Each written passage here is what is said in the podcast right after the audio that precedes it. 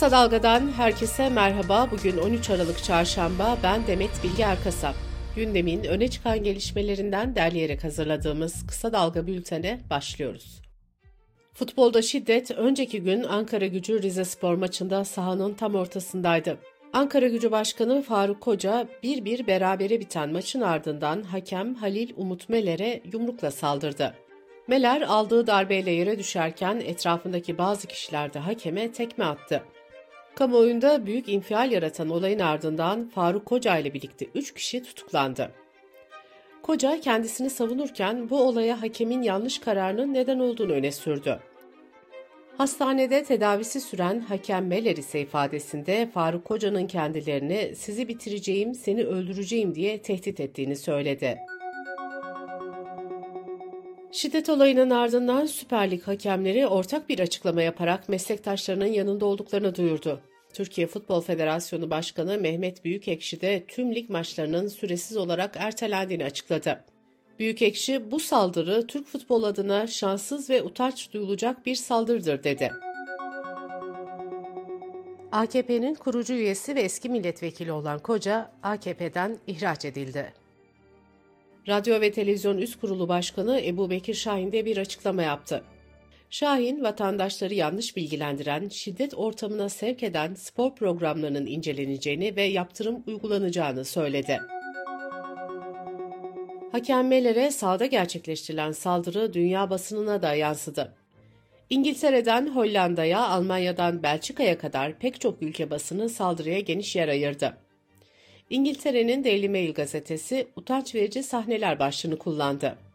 Hollandalı kamu yayıncısı Nos ise kızgın Ankara gücü başkanı Türk hakemi yere serdi başlığını atarken Hollanda'nın The Telegraph gazetesi de olayı Türkiye'de skandal, hakeme saha içinde saldırı başlığıyla aktardı.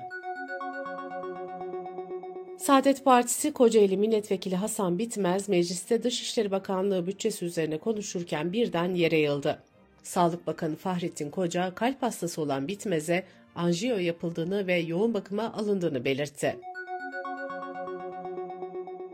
Anayasa Mahkemesi bugün Türkiye İşçi Partisi Milletvekili Can Atalay'ın avukatlarının ikinci başvurusunu görüşecek.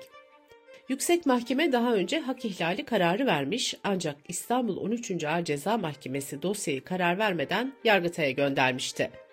Yargıtay 3. Ceza Dairesi ise karara uymamış ve Anayasa Mahkemesi üyeleri hakkında suç duyurusunda bulunmuştu. Siyaset gündemine ve yerel seçim hazırlıklarındaki son duruma bakalım. Ana Muhalefet Partisi CHP'de aday adaylığı için başvuru süresi sona erdi.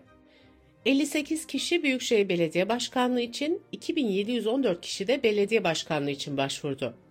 İlçe ve beldeler de dahil toplam müracaat sayısı 15 bini aştı. CHP İstanbul, Ankara ve Aydın dışındaki mevcut başkanları için anket yapıyor. 14 Aralık'ta yapılacak parti meclisi toplantısında anket sonuçlarının ele alınacağı ve bazı adayların belli olacağı belirtiliyor. Bu arada Memleket Partisi lideri Muharrem İnce İstanbul'da Ekrem İmamoğlu'nu destekleyeceklerini açıkladı. AKP'de ise yerel seçim adaylarını belirleme sürecine hız veriliyor. İstanbul için kazanacak aday arayan AKP'de farklı isimler üzerinde duruluyor. Deutsche Welle Türkçe'den Kıvanç El'in haberine göre AKP'de İstanbul için gündemde olan isimler şöyle. İçişleri Bakanı Ali Yerlikaya, Sağlık Bakanı Fahrettin Koca, Eski Çevre Bakanı Murat Kurum, Eski Ulaştırma Bakanı Adil Kara İsmailoğlu, Esenler Belediye Başkanı Tevfik Göksu, Üsküdar Belediye Başkanı Hilmi Türkmen ve eski TOKİ Başkanı Mehmet Ergün Turan. AKP seçim stratejisinde İmamoğlu'nun her şey çok güzel olacak sloganını da gündeme taşıyacak. Halkların Eşitlik ve Demokrasi Partisi yeni kısa adıyla DEM Parti geçtiğimiz hafta MYK toplantısında 81 ilde aday çıkarma kararı alındığını kamuoyuna açıklamıştı. DEM Parti parti meclisini de 16 Aralık'ta toplayacak. Toplantıda 81 ilde aday çıkarma kararı ve ön seçim çalışmaları masaya yatırılacak. Agos gazetesi genel yayın yönetmeni Hrant Dink'in katili o gün Samast'ın tahliye olduktan sonra memleketi Trabzon'da ismini değiştirmeye karar verdiği ortaya çıktı. Demirören haber ajansının haberine göre Samast, Akçabat Asya Hukuk Mahkemesi'ne yazılı dilekçeyle başvurup adının değişmesini talep etti. Samast'ın gerekçesini değerlendirecek olan mahkeme ad değiştirme talebine yönelik kararını verecek. Kısa Dalga Bülten'de sırada ekonomi haberleri var. Türk Vatandaşlığı Kanunu'nda Türk vatandaşlığının istisnai kazanılması başlıklı maddede değişiklik yapıldı. Yasada 400 bin dolar tutarındaki tüm taşınmazların satın alınması Türk vatandaşlığı için yeterli bulunuyordu. Yapılan değişiklikle satın alınması gereken taşınmaza da açıklık getirildi. Ekonomim gazetesinin haberine göre artık üzerinde yapı bulunan arsaların satın alınması halinde Türk vatandaşlığı verilecek. Airbnb yasası olarak bilinen günlük kiralık evlerle ilgili düzenlemeden sonra kiraların düşmeye başladığı belirtildi. Bloomberg HT'nin haberine göre kiralık ev sayısı artınca İstanbul'da kiralar düştü. Bloomberg'un bu haberini sosyal medyada paylaşan Hazine ve Maliye Bakanı Mehmet Şimşek de yeni yasanın konut arzını arttırdığını, özellikle büyük şehirlerde kiralarda gerileme başladığını yazdı.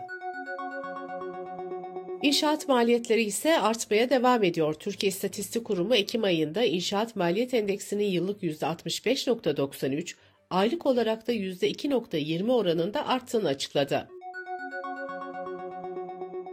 Rekabet Kurulu Facebook, Instagram ve WhatsApp'ın sahibi Meta şirketine rekabetin korunması hakkında kanunu ihlal ettiği iddiasıyla soruşturma başlattı. Kargo iadelerinde yeni bir dönem başlıyor. 1 Ocak'tan itibaren internet üzerinden yapılan alışverişte ürün kusurlu çıkmadığı sürece iade ücretini tüketici ödeyecek. Dış politika ve dünyadan gelişmelerle bültenimize devam ediyoruz. İsrail, Gazze'nin güneyinde yer alan Refah kentine düzenlediği hava saldırısında 6'sı çocuk olmak üzere en az 12 kişiyi öldürdü. İsrail'in 7 Ekim'den bu yana süren saldırılarında 7700'ü çocuk, 5150'si kadın olmak üzere en az 18205 Filistinli öldürüldü. Dünya Sağlık Örgütü Gazze'de kuzeyden güneye hasta taşınırken İsrail'in kontrol noktalarında saatlerce bekletilen konvoydaki bir hastanın yaşamını yitirdiğini açıkladı. Açıklamada ayrıca konvoyların saldırılara maruz kaldığı ve görevlilerin silah soruyla gözaltına alınıp dövüldüğü aktarıldı. The Washington Post gazetesi İsrail'in saldırılarından sonra Lübnan'da beyaz fosforlu mühimmat kalıntılarına ulaşıldığını yazdı. Bu haber İsrail'in Gazze şeridi ve Lübnan sınırındaki saldırılarda beyaz fosfor kullandığı iddiasını yeniden gündeme getirdi. Birleşmiş Milletler özellikle yoğun nüfuslu alanlarda beyaz fosfor gibi silahların kullanımından ciddi endişe duyulduğunu bildirdi. Beyaz Saray sözcüsü John Kirby ise raporları gördüklerini belirterek bu konuda endişeliyiz, biraz daha fazlasını öğrenmek için sorular soracağız açıklaması yaptı. Sporda şiddet olayları komşu Yunanistan'ın da gündeminde. Geçen perşembe akşamı voleybol maçında çıkan olaylarda bir polis yaralanmıştı. Hükümet sporda yaşanan şiddet olayları nedeniyle futbol maçlarının 12 Şubat 2024'e kadar seyircisiz oynanmasına karar verdi. Rusya'da gelecek Mart ayında yapılacak devlet başkanlığı seçimlerinde Ukrayna'da işgal edilen bölgelerde de sandık kurulacağı açıklandı. Ukrayna hükümeti uluslararası toplumu Rusya'nın bu adımını kınamaya ve sorumlu kişilere yaptırım uygulamaya çağırdı. Fransa Cumhurbaşkanı Macron hükümeti tarafından desteklenen göç reformu yasa tasarısı parlamentoda reddedildi. Parlamentoda aşırı sağ ve aşırı sol partiler red oyu kullandı. BBC'nin haberine göre sol kesim tasarının çok baskıcı olduğunu, sağcılar ise yeterince sert olmadığını savunuyor. Avrupa Birliği Sınır Koruma Ajansı yasa dışı yollarla Avrupa'ya girme girişimlerinin 2016'dan bu yana en yüksek seviyeye ulaştığını bildirdi. Verilere göre bu yıl 335 binden fazla düzensiz göç girişimi tespit edildi. Akdeniz üzerinden yapılan girişimler geçen yıla göre %61 oranında arttı. Birleşmiş Milletler'e göre toplam 2511 kişi tehlikeli deniz yolculuğu sırasında hayatını kaybetti. Dubai'de düzenlenen Birleşmiş Milletler İklim Değişikliği Konferansı 200'den fazla katılımcı ülkenin sonuç bildirgesi üzerinde anlaşma sağlayamaması üzerine uzatıldı. Normalde konferans dün sona erecekti. Avrupa Birliği ülkeleri taslakta fosil yakıtların kullanımına son verileceğine ilişkin küresel bir taahhüt bulunmamasına tepki gösteriyor. Suudi Arabistan gibi petrol ihracatçısı ülkeler ise fosil yakıtların kullanımına son verilmesi çağrısına itiraz ediyor.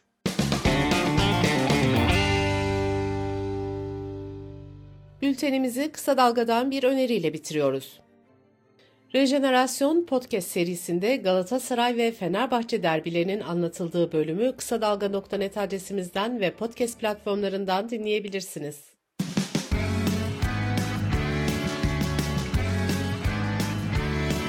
Kulağınız bizde olsun. Kısa Dalga Podcast.